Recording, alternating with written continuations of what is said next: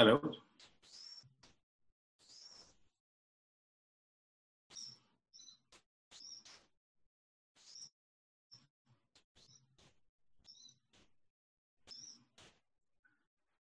Oke, kita sambil nunggu uh, speaker hari ini Mbak uh, Sinta untuk join. Ini udah join, tapi mungkin masih belum ready.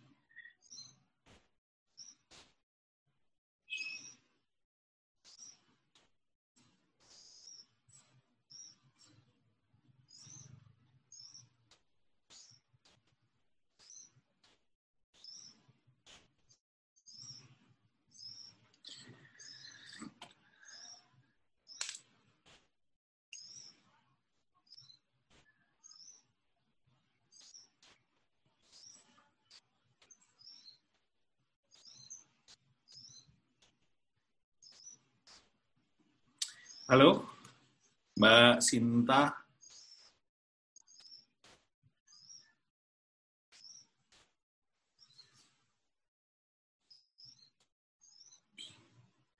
Yes, oke, okay. Mbak Sinta udah join. Uh, connecting to audio, kita tunggu.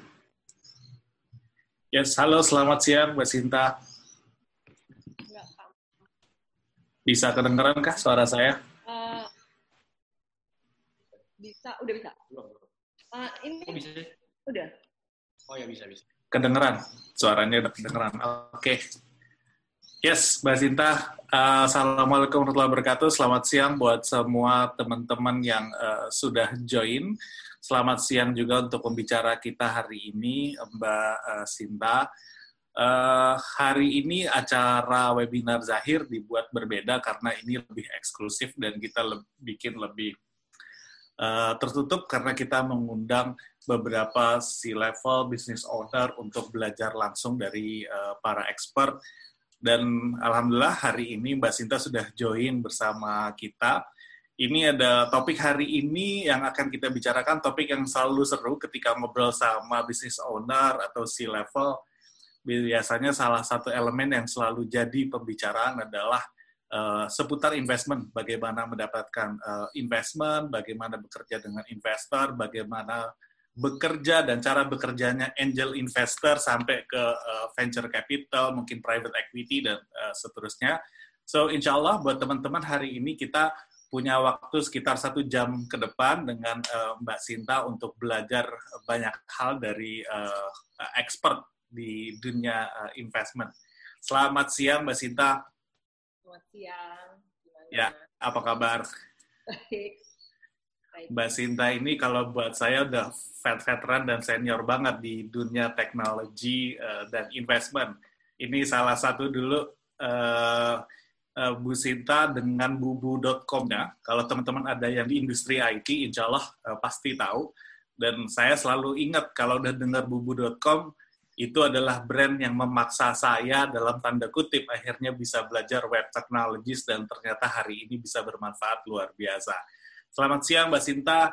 Uh, mungkin kita bisa mulai karena waktunya Mbak Sinta nggak banyak. Mudah-mudahan uh, bisa segera kita mulai dan mungkin kita mulai dengan perkenalan. Jadi mungkin nanti sesinya aku kasih uh, the screen is yours. Silahkan uh, nanti kan ada materi yang akan di share. Setelah itu kita akan ada sesi tanya jawab. Mungkin nanti di tengah-tengah kalau ada yang menarik, uh, aku bisa sambil tanya-tanya di tengah-tengah. Oke, terima yes. kasih atas ya, silakan. ini. Um, jadi mungkin hari ini kita santai aja. Uh, I will share yes. sedikit tentang background saya dan Bubu sendiri sama karena sampai hari ini saya uh, saya masih menjabat sebagai CEO dari bubu.com.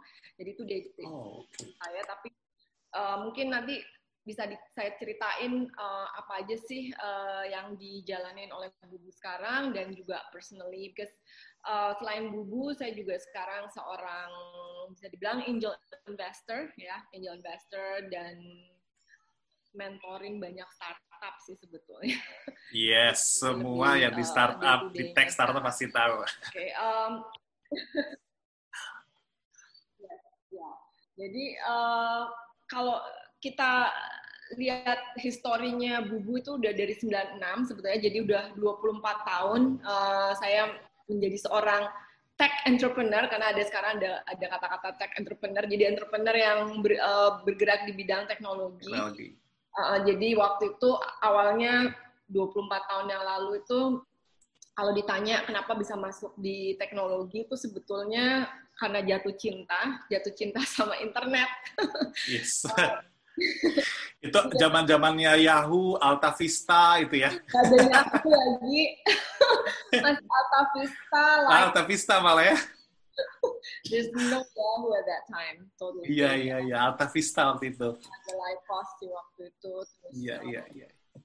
Nah awalnya sih karena nggak sengaja juga um, saya waktu itu kebetulan S1-nya di arsitektur, dia men architect by study, ya.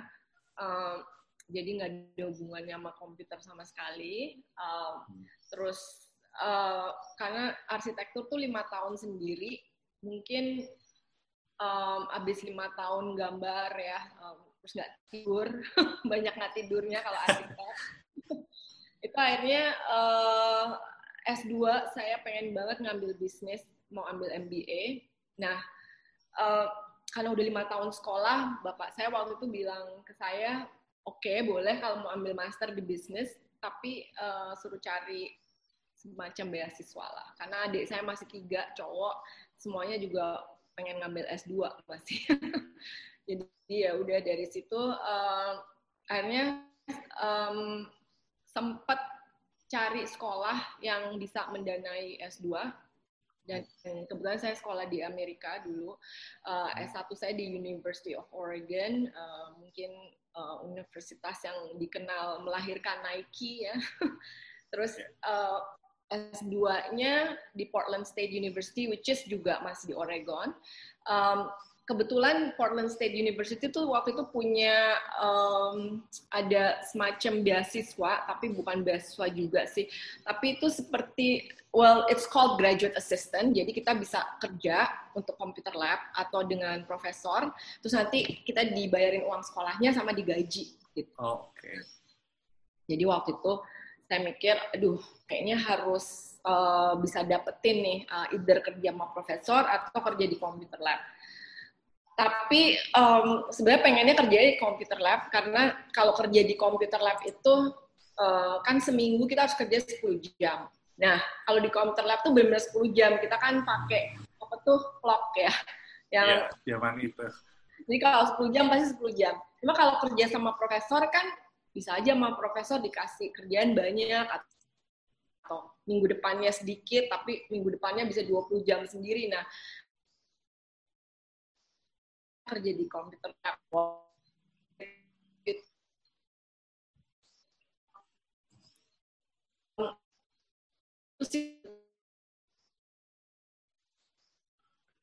Sorry.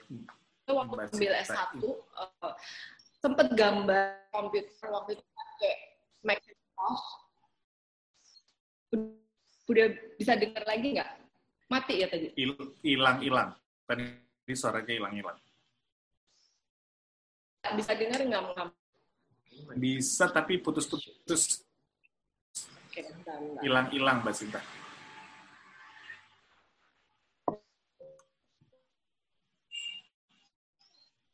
Oke, udah oke okay belum internetnya? Belum. Oke, okay, better. Better. Bentar ya. Halo, udah?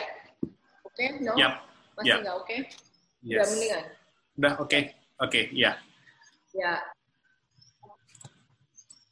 Jadi uh, akhirnya pengen kerja di computer lab, terus uh, waktu di interview nanya uh, background komputernya apa, akhirnya background komputer saya cuma waktu itu saya bisa gambar pakai Macintosh. Uh, nggak, kalau teman-teman di sini tahu Macintosh itu apa? itu adalah Apple zaman dulu. Iya, iya. Namanya Macintosh. itu tahun nah, berapa ya, Mbak Sinta? Uh, karena saya bisa gambar pakai Macintosh itulah saya diterima jadi supervisor di computer lab um, computer lab di kampus yang di mana um, saya punya tim timnya memang tapi oke okay.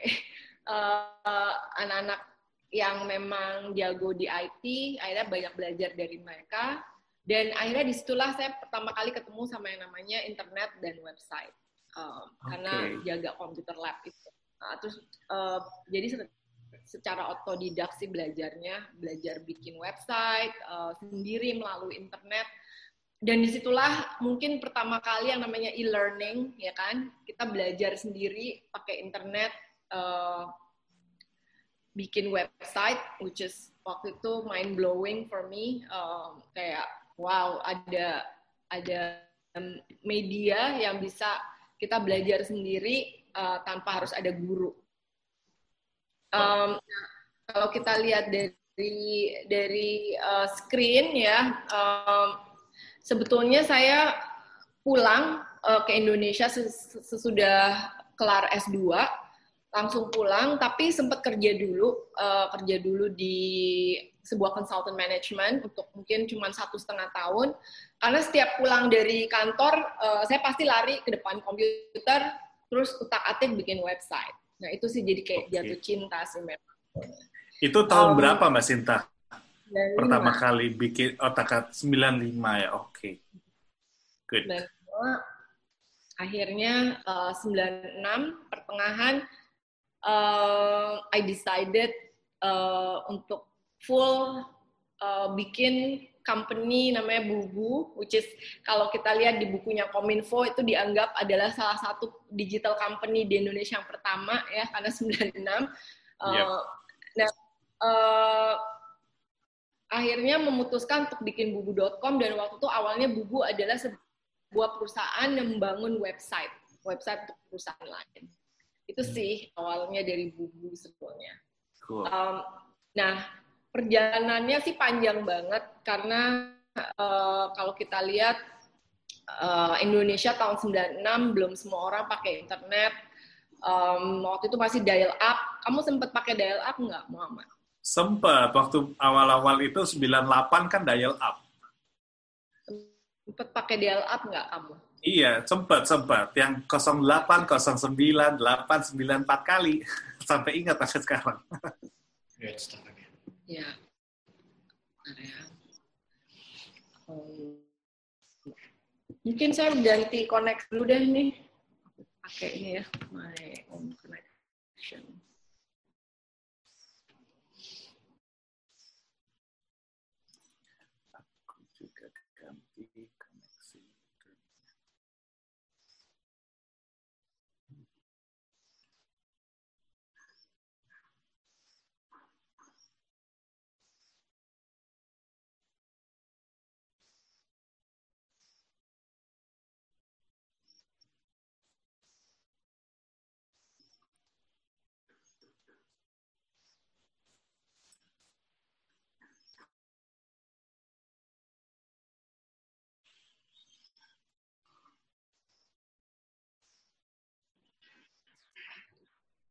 Hmm. Yes, hello. Ya, ya. Oke, sebentar. Kayaknya disconnected dengan Mbak Sinta. Nah, ini baru join lagi.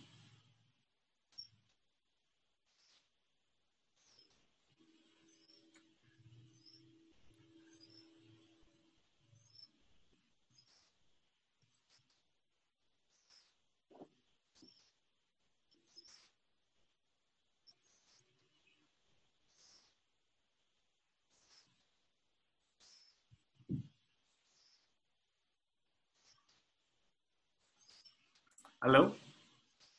Uh, Oke, okay. ini host dari Zahir bisa dengar saya nggak ya? Halo? Tes, tes, satu, dua, tiga. Iya Pak, dengar Pak. Oke, okay, kedengeran. Oke, okay, kita ya. tunggu Mbak Sinta untuk join lagi karena mungkin ada problem di koneksinya.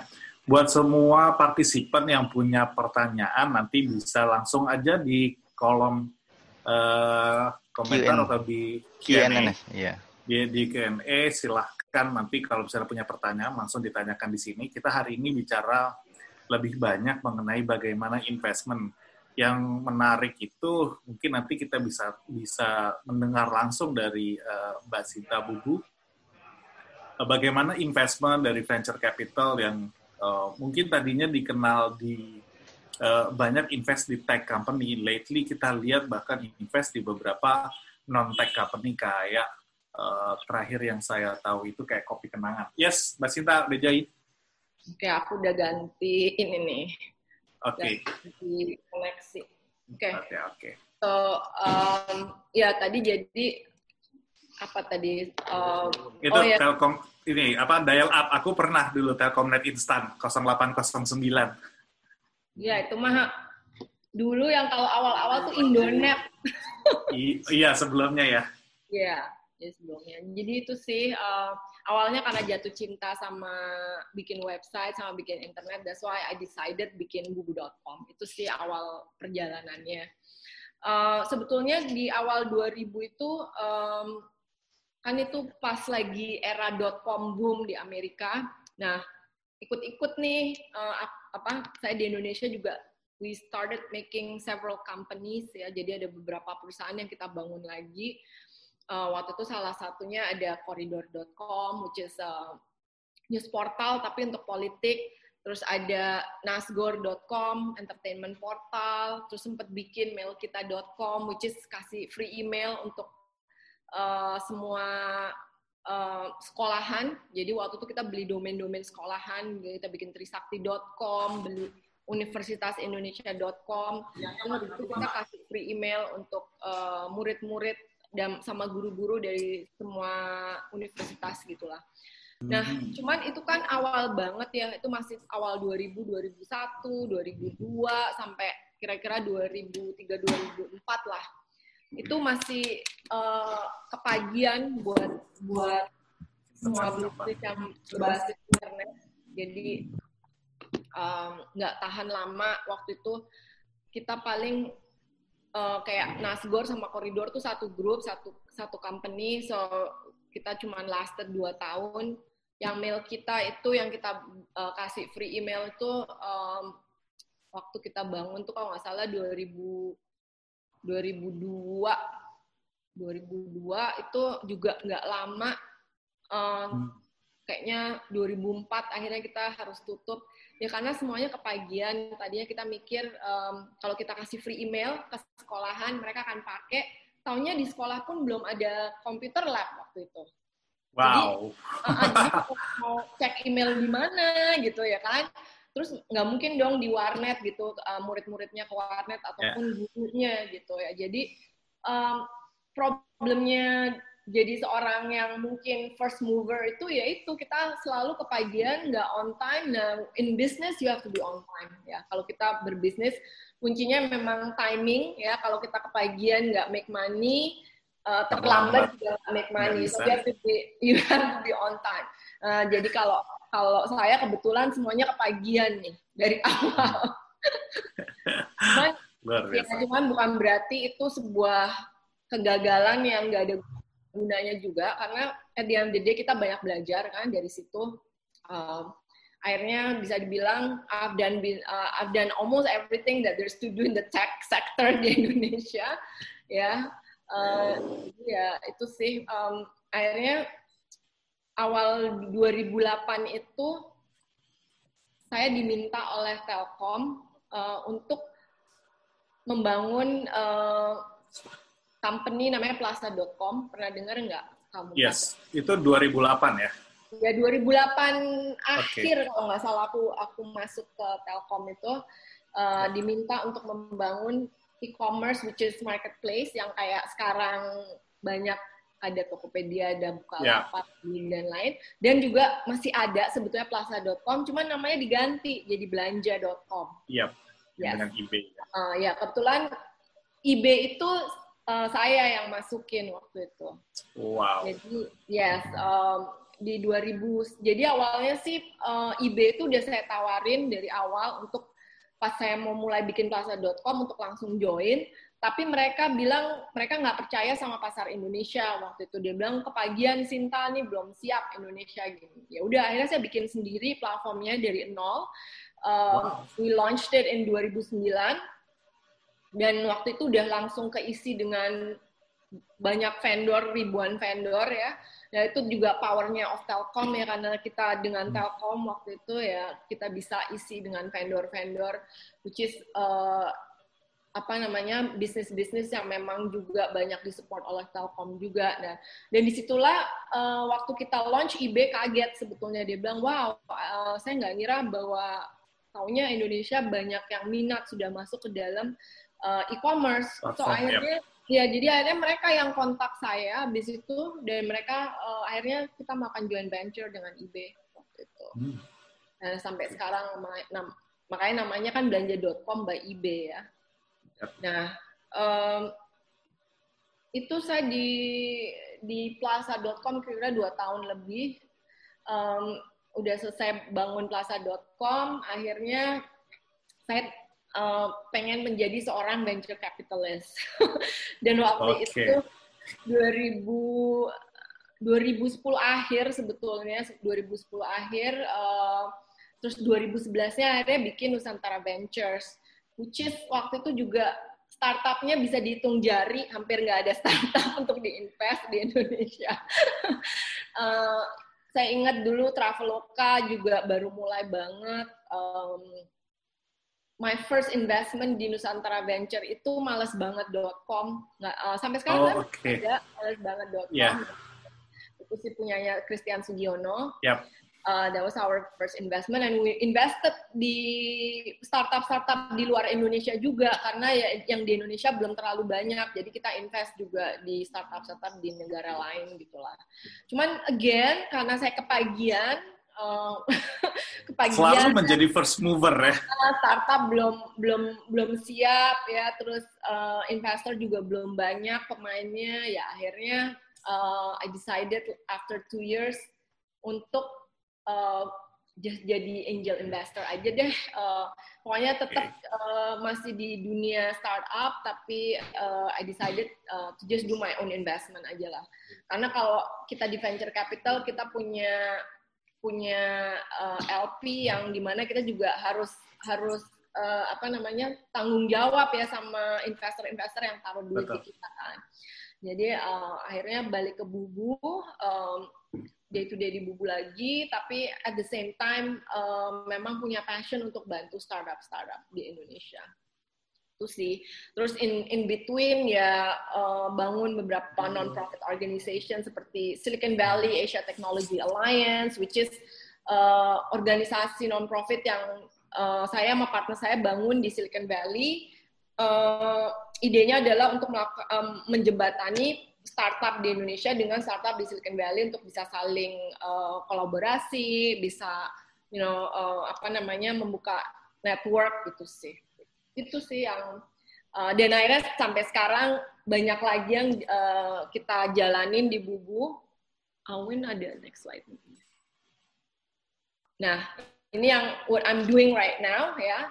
Jadi uh, selain jadi angel investor and mentor to startup, di Bubu kita menjadi semacam venture builders. Kita bangun ada namanya startupindonesia.co, which is a platform untuk startup.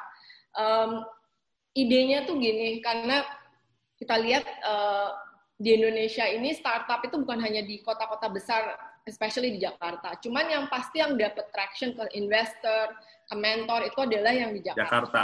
Uh, ya. Jadi dengan platform ini kita berharap kita kasih equal access lah buat semua orang, mau itu di Surabaya, mau di Jogja, mau di uh, di mana di NTT atau whatever lah. Pengennya semua orang punya equal access aja. Nah, Uh, terus mulai tahun lalu kita masuk ke dunia gaming, which is e-sport, yang which is itu a big market di Indonesia dan di dunia sebetulnya. It's it's booming right now ya. Uh, dan kita ini kebetulan bisa dibilang nih akhirnya saya on time. Tadinya kepagian kepagian, okay. on time karena kita mulai justru belum covid ya kita yes. masuk ke e-sport belum covid taunya habis covid langsung e-sportnya booming ya Boom. semua yep. di rumah pada main game jadi we started Bubu Gaming last year uh, kita bikin satu turnamen yang cukup uh, sukses namanya Bubu e-sport Tournament yang di mana membedakan dari turnamen lain kita bikin selain uh, untuk men kita juga punya women turnamen kita juga okay. ya which is uh, jarang ya even di dunia gitu. Yes. Uh, Terus uh, karena uh, saya ngelihat ini sih, uh, kalau kita lihat gamers di Indonesia tuh kira-kira ada 90 juta, hampir 90 juta gamers di Indonesia. Wow.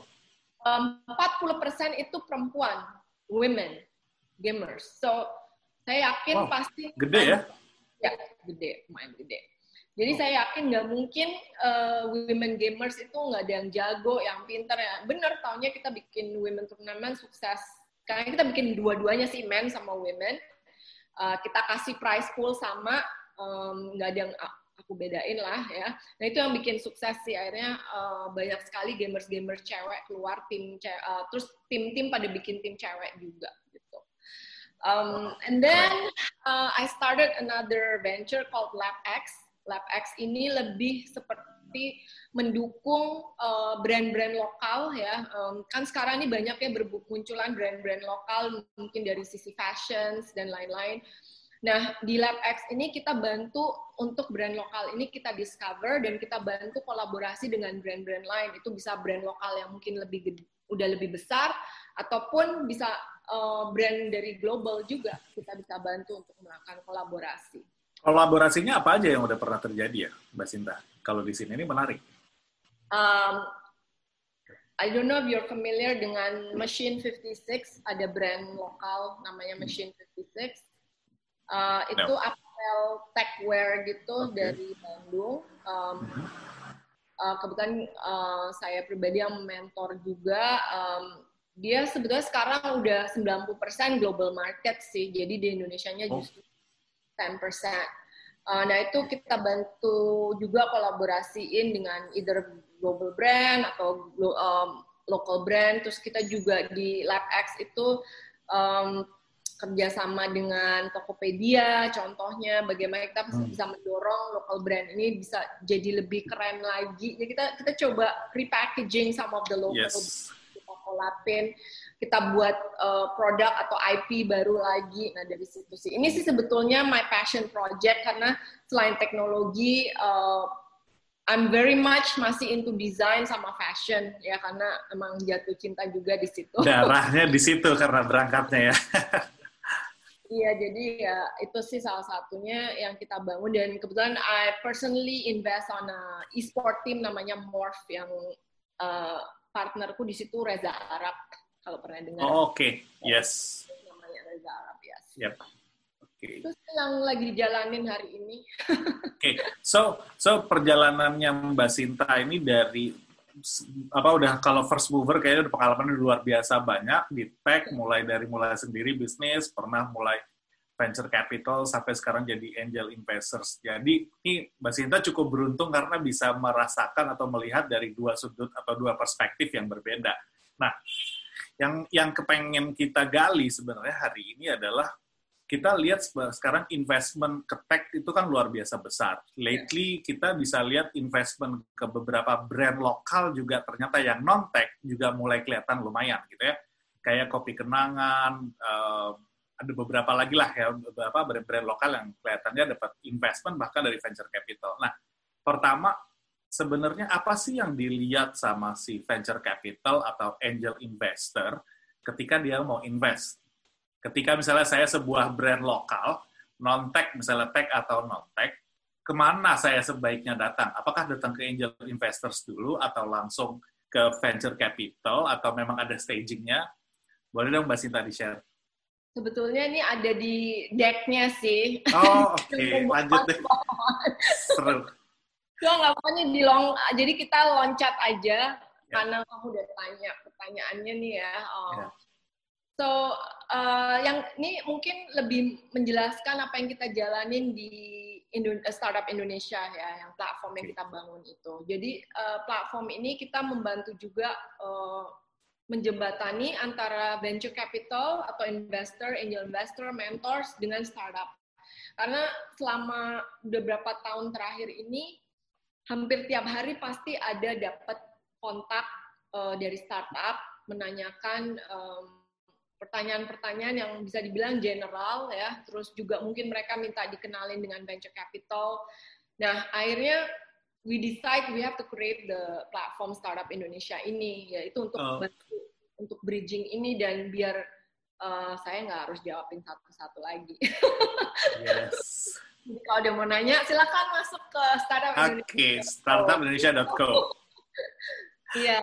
Nah, yang kita lakukan di startupindonesia.co ini adalah salah satu, uh, apalagi pas lagi COVID ini adalah speed dating. Jadi kita membantu venture capital untuk ketemu juga juga dengan startup.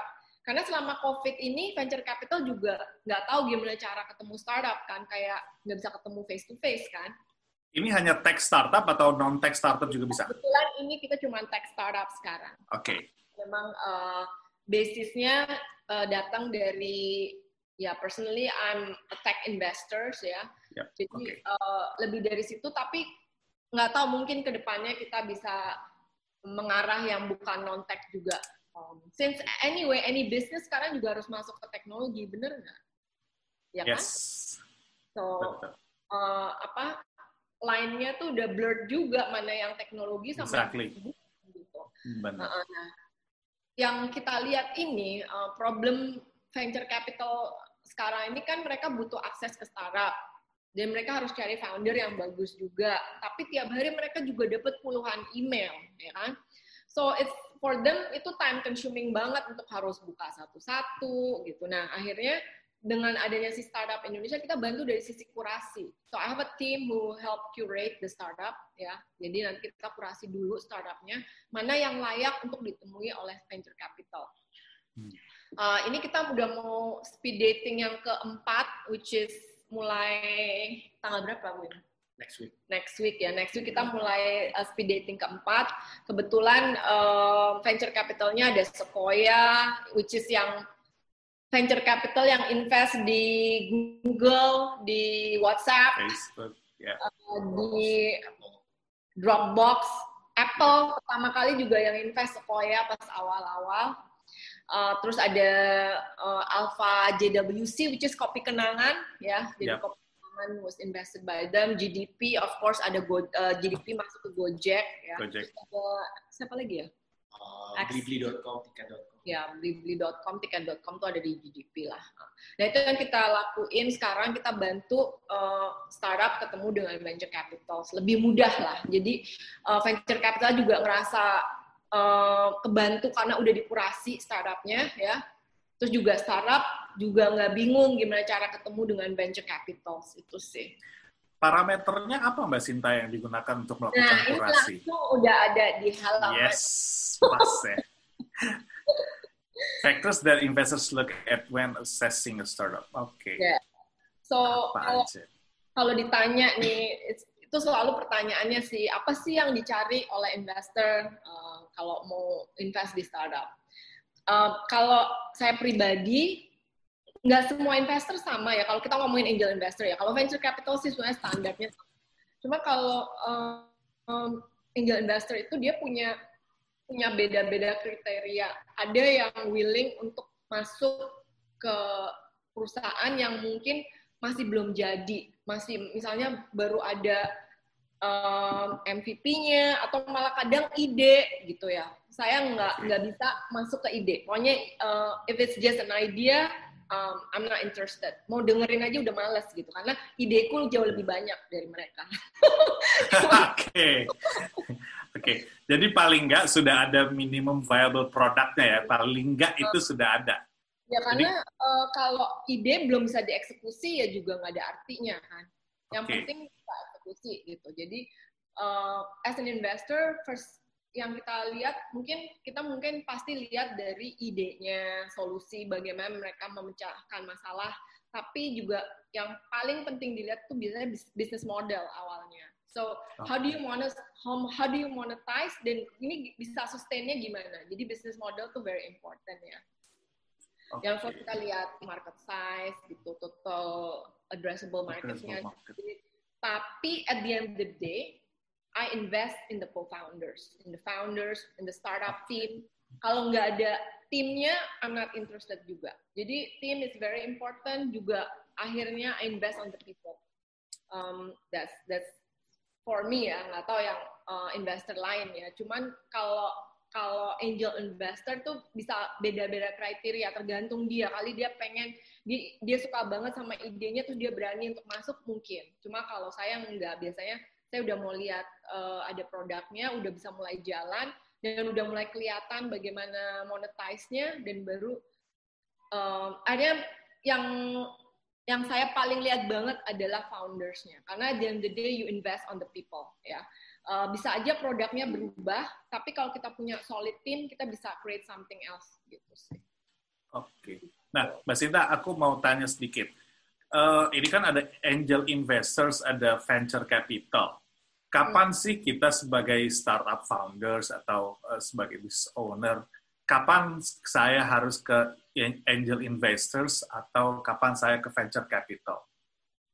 Uh, sebetulnya kalau tergantung ya. Um, kayak saya pribadi dari awal nggak pernah pakai investor.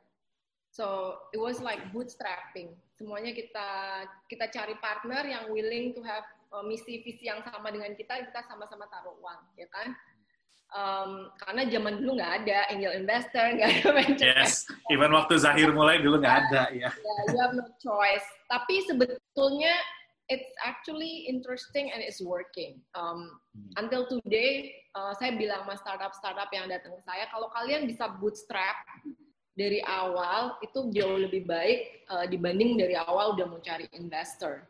And um, a lot of time, uh, I would invest in startup yang sebetulnya bootstrapping dulu, karena saya udah tahu dia udah ngerasain pakai duitnya dia sendiri itu gimana, gitu. Hmm. Oke. Oke. Iya. Karena when you put somebody else's money, kita kita misalnya diinvest sama orang, itu responsibility-nya jauh lebih besar ya dibanding kita yeah. pakai sendiri gitu kan. Um, jadi um, kalau yang namanya angel biasanya dia masuk pas awal-awal, pas company yang baru mulai, mungkin dia butuh uh, support yang lebih hanya dari investment. Jadi biasanya seorang angel tuh akhirnya kadang juga akhirnya jadi mentor mau nggak mau gitu ya. Kadang dan mungkin keseringan jadi mentor akhirnya. Kalau enggak duit kita hilang. Hilang. Iya. Oke. Um, itu awal biasanya angel investor kalau ditanya amountnya berapa nggak ada formulanya terus ngambil berapa persen equity juga nggak ada formulanya sebetulnya itu tergantung uh, dari negosiasi dengan startupnya dan kalau saya pribadi saya biasanya nggak akan ambil terlalu besar karena ya memang justru foundernya harus punya punya equity yang cukup besar di situ biar dia lebih semangat untuk menjalankan perusahaannya. Okay. Yes. Kalau venture capital, nah itu next stepnya ada memang venture capital yang uh, dia invest di awal, like um, namanya seed funding, ada venture capital yang main di seed funding. Um, cuman uh, saya lihat venture capital tuh mungkin lebih berguna kalau memang perusahaannya sudah butuh next level funding yang di mana dia misalnya mau buka cabang di seluruh Indonesia gitu. Hmm.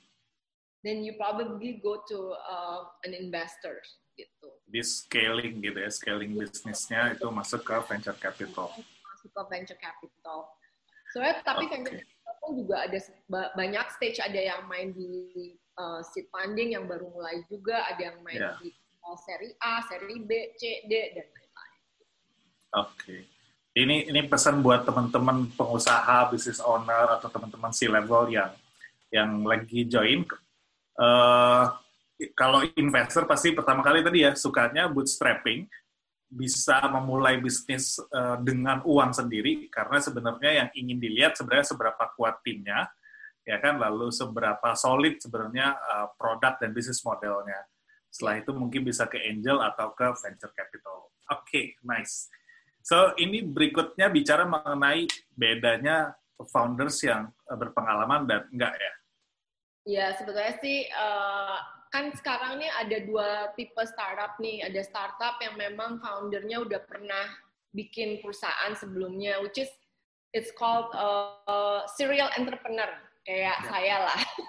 saya bikin yes. banyak perusahaan berkali-kali ya, uh, yang mati jauh lebih banyak pada yang hidup ya. Yeah.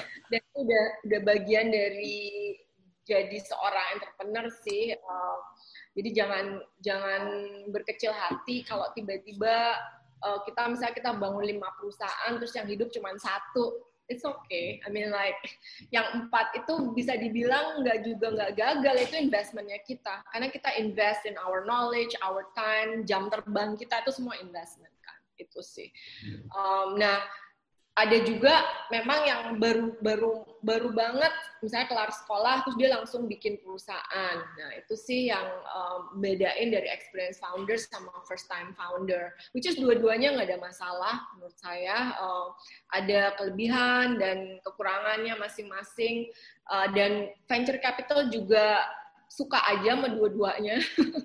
So nggak ada masalah ya yang penting kita bisa prove uh, our business model, how to monetize. Yang penting monetize, monetize, monetize sih kalau udah sekarang mah venture capital sama angel juga. uh, ya ini yang um, kebanyakan early early stage investor dan venture capital Indonesia tuh mereka uh, yaitu pakai method president transaction. Jadi dia melihat transaksi yang sebelumnya. Jadi even though uh, walaupun ini startup baru mulai, tapi dia juga udah mau lihat ada traksinya nggak, ada yang ada yang pakai nggak, is it a proven business model, do people really wanna use it gitu. Yeah. Kalau misalnya nggak ada yang minat ya nggak ada yang mau invest pasti. Hmm. Ya itu terus uh, terus kalau if you have traction, terus what do the startup uh, gimana sih mereka uh, get the attention of of the venture capital to investor itu ya. Jadi ya credibility-nya lah kita lihat pasti. Terus uh, akses networking mereka karena kalau tadi sebelum di, uh, di slide sebelumnya yang belum sempat saya kasih lihat mungkin can you go back to the networking part maybe. Jadi menurut saya dari semua yang paling dibutuhin oleh startup kan ada ada ada study juga dari Harvard itu bukan not necessarily funding, tapi justru networking. Networking itu penting banget untuk seorang entrepreneur ya. Karena kalau kita punya network yang kuat, we can do anything basically ya. Jadi bukan dari funding, bukan apalah kan biasanya oh kita saya nggak punya mentor, saya juga dari awal nggak pernah punya mentor, saya belajar sendiri terus terang. Ya jadi uh, akhirnya saya melihat bahwa yang dibutuhkan untuk seorang um, entrepreneur itu dan paling penting adalah networking, which is juga proven by Harvard study ya itu networking. Dan I think that's what I master di 24 tahun di dunia bisnis ini. Akhirnya saya master banget yang namanya networking. I've networked yes. with like, the biggest name in the tech industry.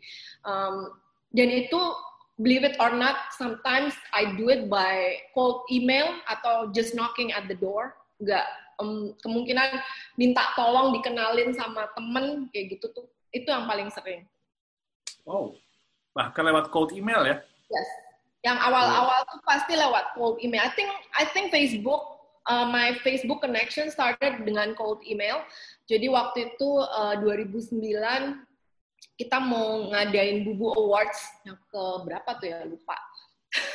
yang ke kalau 2009 berarti yang keempat atau yang kelima. Nah, uh, kita mau ngadain conference dan waktu itu Facebook uh, udah mulai masuk Indonesia dengan cuma satu setengah juta pengguna ya pada tahun 2009 dan saya saya invite dia jadi speaker. Saya email kayaknya dikenalin sama orang nggak inget sih tapi itu email saya inget banget tuh email. Um, terus awalnya dia bilang jadi vice president growth-nya yang yang saya um, saya email dan dia itu juga lumayan top eksekutif karena dia employee number seven, I think. Terus um, dia janji mau datang, terus tiba-tiba sebulan sebelum acara dia cancel. So, oh. so I was like, oke, okay, fine, ya udah kalau misalnya nggak bisa, karena dia dia bilang dia disuruh milih ke Brazil instead of Indonesia, karena oh. waktu Brazil jauh lebih besar kan. So aku uh, terus ya waktu itu uh, I, I, I told him ya udah nggak apa-apa just in case Indonesia jadi gede jangan kontak saya ya saya bilang gitu wow keren ya dari situlah um, akhirnya benar itu 2009 April ya itu satu setengah juta user Oktober 29 eh 2009 itu jadi 13 juta tiba-tiba. Wow. So of course um, this guy uh, pasti ngubungin lah. ada apa nih di Indonesia kok bisa dari segitu menjadi 13 juta gitu kan. Terus aku bilang, bukannya tadi udah saya bilangin ya, kamu nggak boleh kontak saya. Keren. jadi, lah, terus akhirnya kita jadi temenan, dan I got to meet Sheryl Sandberg, so like okay. lima kali, Mark Zuckerberg juga beberapa kali, um, ya itulah terus dari situ punya ya karena saya juga masuk dunia venture capital juga I met a lot of people di Silicon Valley juga sih. Cool. Dan mungkin juga karena event ID Byte sendiri lah, ID Byte, Google Awards itu yang juga membuka network yang lumayan. Dan akan ada event ID Byte sebentar lagi ya? Ya, next year. Nah, yes. Yang, okay, yang, nanti... yang, oh ini yang venture capital X series itu namanya ID Byte X itu ada yeah. nanti September ini untuk venture capital. Nah ini. Oke, okay, nah ini buat yang kepengen lebih tahu atau lebih kenal lebih banyak sama venture capital perlu nih datang atau ikutan acara ini. Ya, ikutan. Ini bulan September. Okay. Minggu depan ya, ada tanggal September 4 mulai. Oke, okay, nice. Gitu. Terus ya, ya sih, uh, ini tadi juga um, kalau ada pertanyaan aja mungkin ya. Oke, okay, nah sip aku sambil coba buka ini pertanyaan. Oke, buat teman-teman yang uh, join, ini ada 47 partisipan di sini. Kalau punya pertanyaan silakan uh, masukin di kolom Q&A. Oke, ini ada pertanyaan dari Nova. Aku bacain ya, Mbak Sinta ya. Assalamualaikum, saya Nova, Mbak Sinta. Saya kagum dan surprise ternyata pelasan.com itu aslinya karya perempuan Indonesia. Masya Allah, iya dong. 2008 tadi ya. Saya mau tanya Mbak tentang kepagian. Gimana supaya kita bisa mendeteksi uh, kalau waktunya tepat?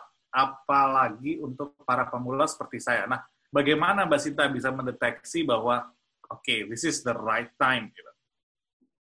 Uh... Dan budgetnya ini kan tambahannya dengan budget yang sangat terbatas, tapi pengen segera profit. Nah, ini gimana nih? Budget terbatas, pengen segera profit, pengen gimana waktunya dapat yang on time gitu. Kalau on time tuh akhirnya kita harus reset sih, nggak ada cara lain ya. Uh, kita harus reset apa sih yang lagi dibutuhin orang, apalagi yang uh, memang uh, happening di di industri. Jadi riset sih that's the only way you can know what to do next. Karena waktu dulu tuh saya lebih kayak impulsif, saya just jump in ya. Tapi impulsif tapi riset risetnya mungkin tapi itu lebih kayak karena passion sih kalau dipikir-pikir aja iya itu berkali-kali saat do this I want to do this. Mungkin juga uh, waktu itu nggak nggak ada rasa takut ya langsung I just jump in for some reason nggak tahu juga ya cool. nah, sekarang sih akhirnya udah belajar juga banyak uh, bahwa memang kita harus harus lihat apa sih yang sedang uh, dibutuhkan masyarakat terus ada nggak problem yang kita bisa solve dan bisa akan membantu banyak orang uh, pada saat ini. Nah itu sih yang uh, paling bisa saya kasih masukan dan bisnis itu kalau memang kita ngerasa mau menjalankan jalanin aja masuk aja terjun aja udah nggak ada cara lain gitu like uh, you learn by doing it kalau enggak kita juga nggak mau baca buku juga nggak nggak bakal bisa persen bantu kan we have to jump in kerjain do it, just do it. Kalau misalnya nggak jalan, ya udah sorry, bangun lagi, kerjain yang baru lagi gitu. Um, kalau mau ditanya langsung profit, ya berarti semua orang juga bisa kaya kalau semua orang bisa profit, you know, it takes time juga ya. Ada mungkin bisnis yang kita bisa profit cepat, cuman juga belum tentu bisa sustain lama ya karena bisnis tuh uh, memang ada ada journey-nya juga. Nah itu sih. Um, man sekarang sih bis, bisnis lagi covid gini ya kita udah tau lah mana yang bisa uh, bisa online, mana yang bisa memang dibutuhkan. Contohnya kalau di dunia teknologi yang bakal jalan itu definitely kayak di education ya, karena sekarang yes. semua orang uh, mau belajar dari rumah, mau cari kerjaan tapi nggak tahu mau gimana, akhirnya memperkaya diri dengan belajar ya, so education. Terus e-commerce uh, makanan kayaknya masih bisa jalan banget karena semua orang tetap harus makan ya. SaaS Cuma, juga bagus SaaS ya. Ya SaaS. Terus kita tapi juga harus mikir gitu apa sih yang belum ada tapi orang mas, masih uh, masih dibutuhkan orang dan juga harus dipelajari semua itu sih nggak bisa langsung uh, membangun usaha terus langsung besoknya profit ya itu talking about sustainability-nya belum tentu bisa panjang. Oke, okay, aku baca pertanyaan lagi dari Pak Dedi Fitra Johor. Apakah ada kriteria khusus untuk startup untuk bisa bergabung dengan angel dan venture capital? Oke, maksudnya ada kriteria khusus nggak supaya startup ini bisa dapat investment dari angel dan venture capital? Uh, nggak nggak nggak ada kriteria khusus sih bingung kalau ditanya gitu. Karena uh, sebetulnya kalau misalnya investor semuanya juga punya punya appetite beda-beda ya. Uh, terus juga punya kayak saya mungkin uh, saya sekarang melihat kalau mau invest itu saya mau lihat ini sesuatu yang saya passionate juga nggak? Tetap karena saya harus jadi mentor nih.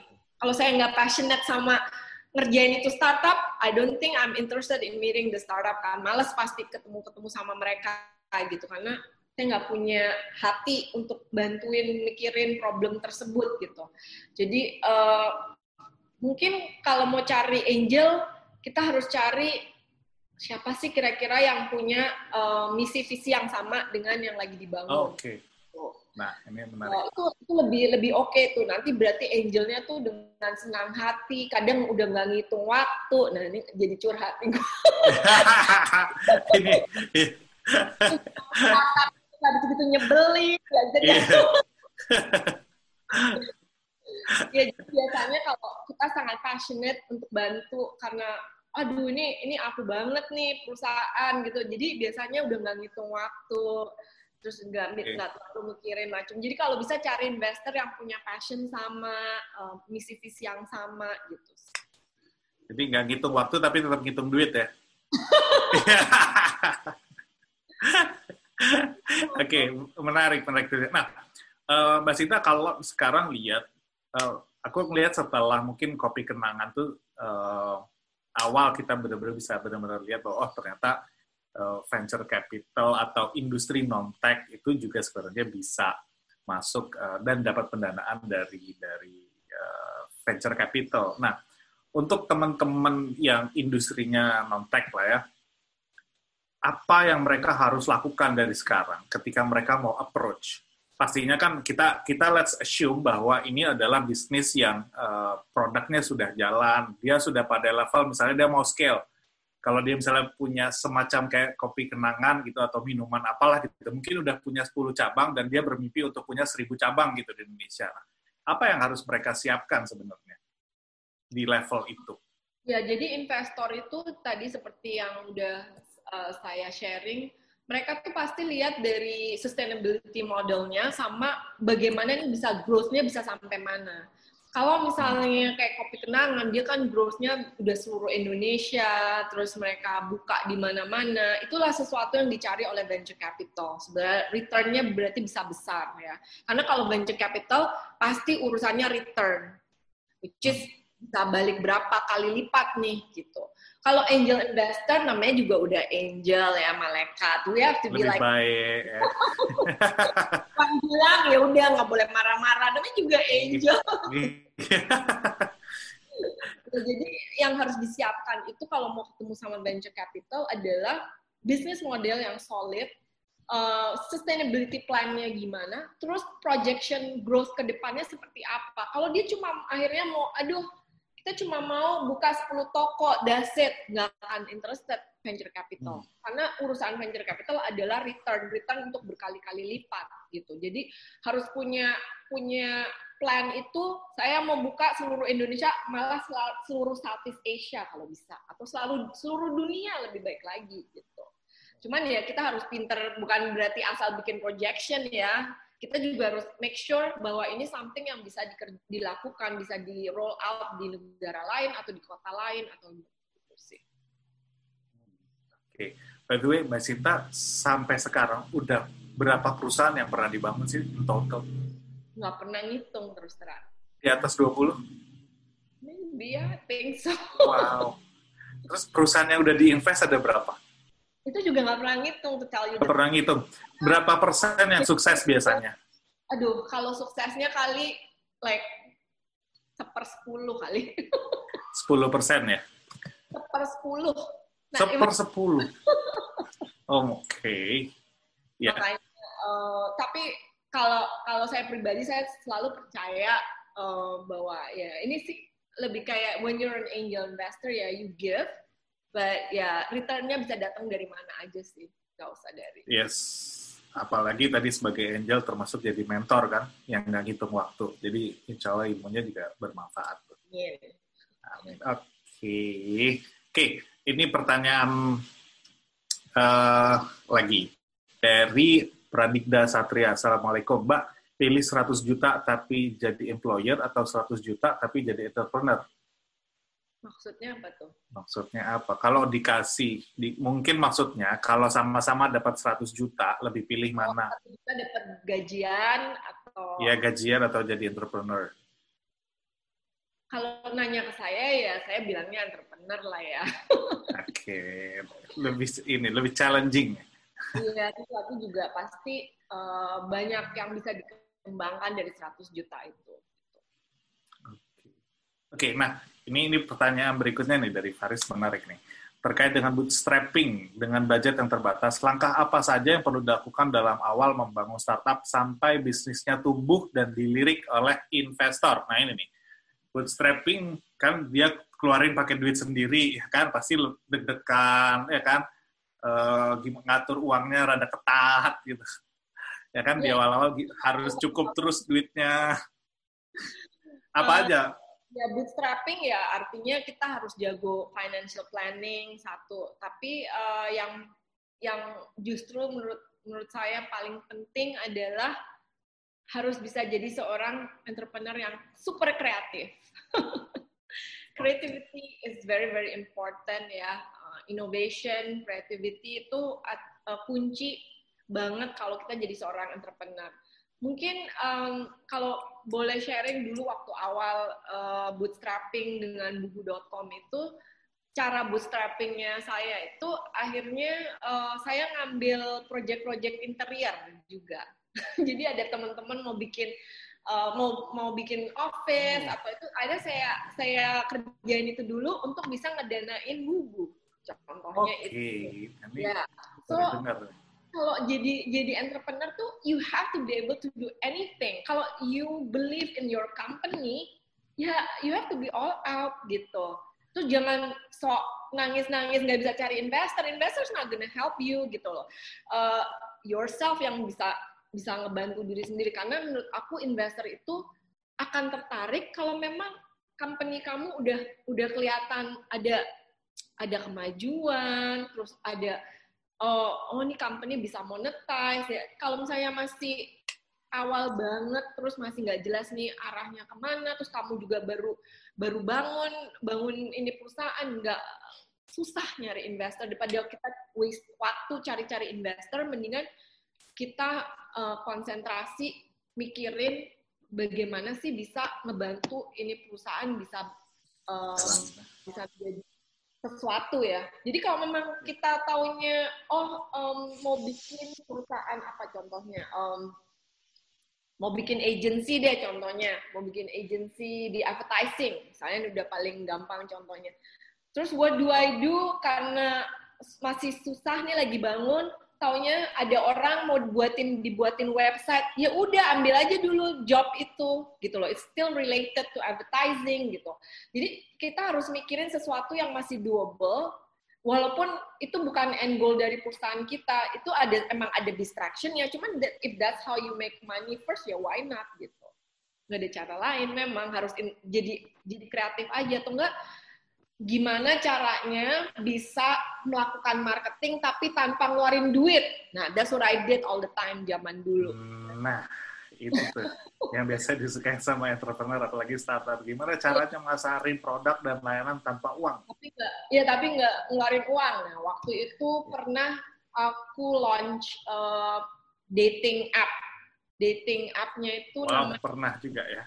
Uh, uh, uh, jadi waktu itu punya SMS based dating app. Zamannya rek spasi, kamu ingat nggak? Yes. Ya. Yeah. Ya aku tuh pemain di situ juga. Makanya been there dan that lah basically kalau di dunia yeah. teknologi. Nah, waktu itu tuh punya platformnya untuk dating. Jadi ceritanya kalau kamu mau uh, ngedate, you can actually like do an SMS dating kayak gitulah. Nah, terus nggak punya nggak punya budget marketing kan? Platform ada, tapi nggak ada budget marketing. Terus kebetulan waktu itu ada TV show. Ini nggak tahu ya kalau anak-anak masih anak-anak zaman sekarang yang baru lahir ya nggak ada yang tahu nih TV show. Katakan cinta ya, wait Oh, ya katakan cinta ya. itu zamannya ya, ya itu si pembawa acaranya Prambors waktu siapa?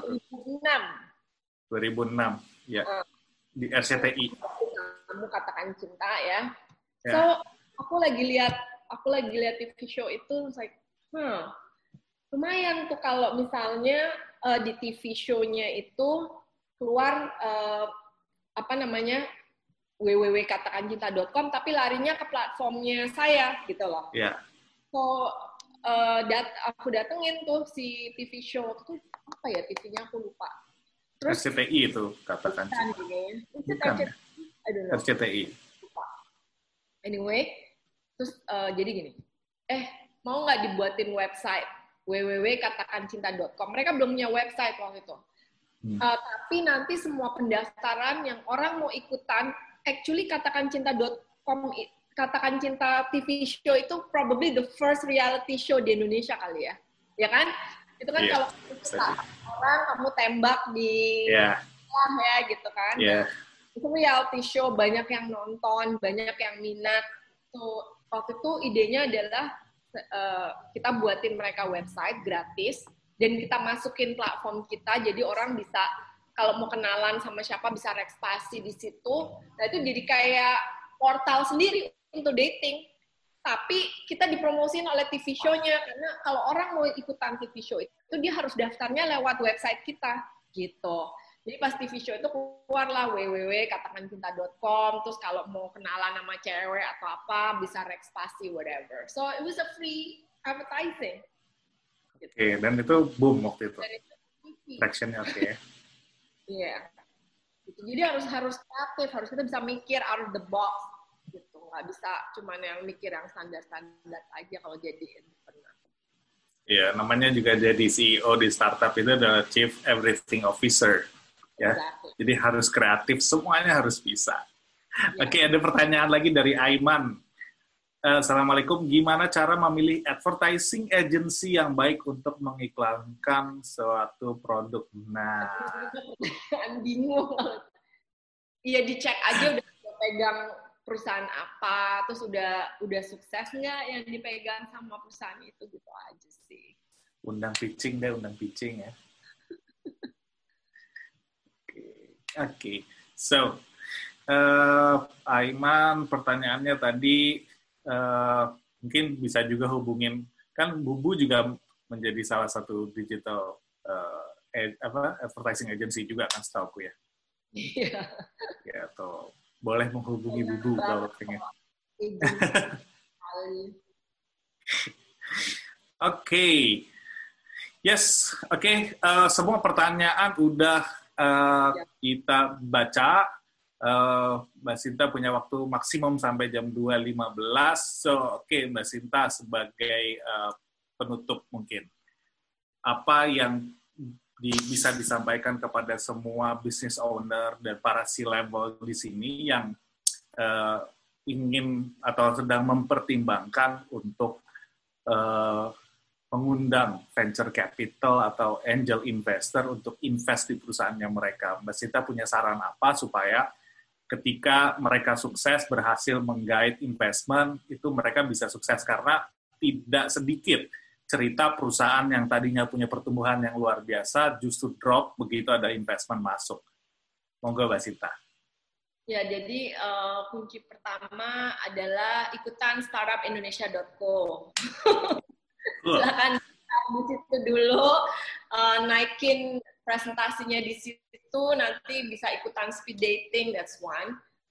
Uh, dua, yang penting uh, kalau kita mau ketemu investor itu kita harus menyiapkan diri jangan sampai kita wasting time pas ditanya banyak sekali yang tidak bisa dijawab. Jadi investor deck namanya investor deck which is presentasi yang kita kasih ke investor itu penting sekali. Um, isinya ya harus lengkap. Kalau mau tahu isinya investor deck seperti apa ya silakan di Google banyak sekali kok how to create your investor deck itu sangat penting. Uh, cuman kalau saya pribadi saya mau lihat di situ uh, bisnis model harus jelas, monetization harus jelas, uh, projection ke depannya apa, plan ke depannya apa, dan yang paling penting background dari tim juga kalau saya penting banget. Jadi saya mau lihat foundernya siapa, udah pernah ngerjain apa aja, terus timnya siapa aja. Itu sih penting banget buat saya untuk decide invest gitu. Jadi founder, co-founder dan timnya ya dan harus tim. solid. Yes. Oke, okay, jangan sampai ya. Tapi kan saya jangan sampai beda-beda. Jadi jangan sampai si CEO-nya atau founder atau co-foundernya itu single fighter ya begitu dia nggak ada itu perusahaan nggak jalan gitu. Iya betul. Oke, okay, cool. Oke, Mbak Sinta, terima kasih. Ini mungkin saya menyampaikan uh, tambahan informasi buat teman-teman yang uh, partisipan di sini untuk kalau mau ikutan atau bisa uh, mengenal lebih jauh bagaimana venture capital, ini ada acaranya ID by X Venture Capital Series. Mungkin daftarnya di startupindonesia.co. Ya. Ya, uh, ini bakal ketemu dengan uh, Mbak Sinta, terus ada uh, ada Niko Jaya, ada Anthony dan lain-lain. Yes, ini dia. Ada Sequoia yang tadi saya bilang invest di Apple, di yep. Dropbox, di WhatsApp. Terus ada um, Microsoft Venture, which is punyanya Bill Gates ya. Uh, terus ada GGV, GC, GGV Venture, uh, GGV Capital itu yang invest di TikTok, Alibaba, yep. mereka. Yes Terus ada BRI Venture yang invest di Investri, terus ada GDP yang invest di Gojek, beli-beli tiket dan lain-lain. Gitu. Cool. Oke, okay. Sip, Mbak Sinta, terima kasih banyak uh, waktunya, terima kasih banyak sharingnya, mudah-mudahan bermanfaat. Uh, kapan-kapan kita bisa ketemu lagi, bisa ngobrol lagi mengenai investment, karena ada begitu banyak yang selalu tanya sama saya, gimana caranya bisa dapetin modal dari venture capital atau dari angel investor? Maupun tech uh, dan juga yang non tech. So mudah-mudahan insya Allah uh, sesi kita hari ini bisa membuka uh, pandangan teman-teman pengusaha bagaimana mempersiapkan diri jika memang membutuhkan investment. Di situ ada peluang, Anda bisa mencari angel investor, bisa mencari venture capital, tapi tadi semua apa yang disampaikan sama Mbak Cinta perlu kita persiapkan karena angel investor maupun venture capital itu yang mereka kasih adalah duit dan duit itu perlu dipertanggungjawabkan sama tim yang solid, produk yang bagus, bisnis model yang sustain. Oke? Okay? Ya. Sip, terima kasih banyak Mbak Sinta uh, waktunya. Sampai ketemu lagi insya Allah. Terima kasih banyak semua partisipan yang telah hadir. Uh, mudah-mudahan seri ini uh, bermanfaat dan sampai ketemu lagi karena kita akan punya seri berturut-turut setiap hari hari Senin, Selasa, sampai Jumat dengan pembicaraan yang beda-beda, insya Allah bisa menambah wawasan teman-teman pengusaha. Terima kasih, Mbak Sinta. Mohon pamit. Ya, thank you. Assalamualaikum warahmatullahi wabarakatuh.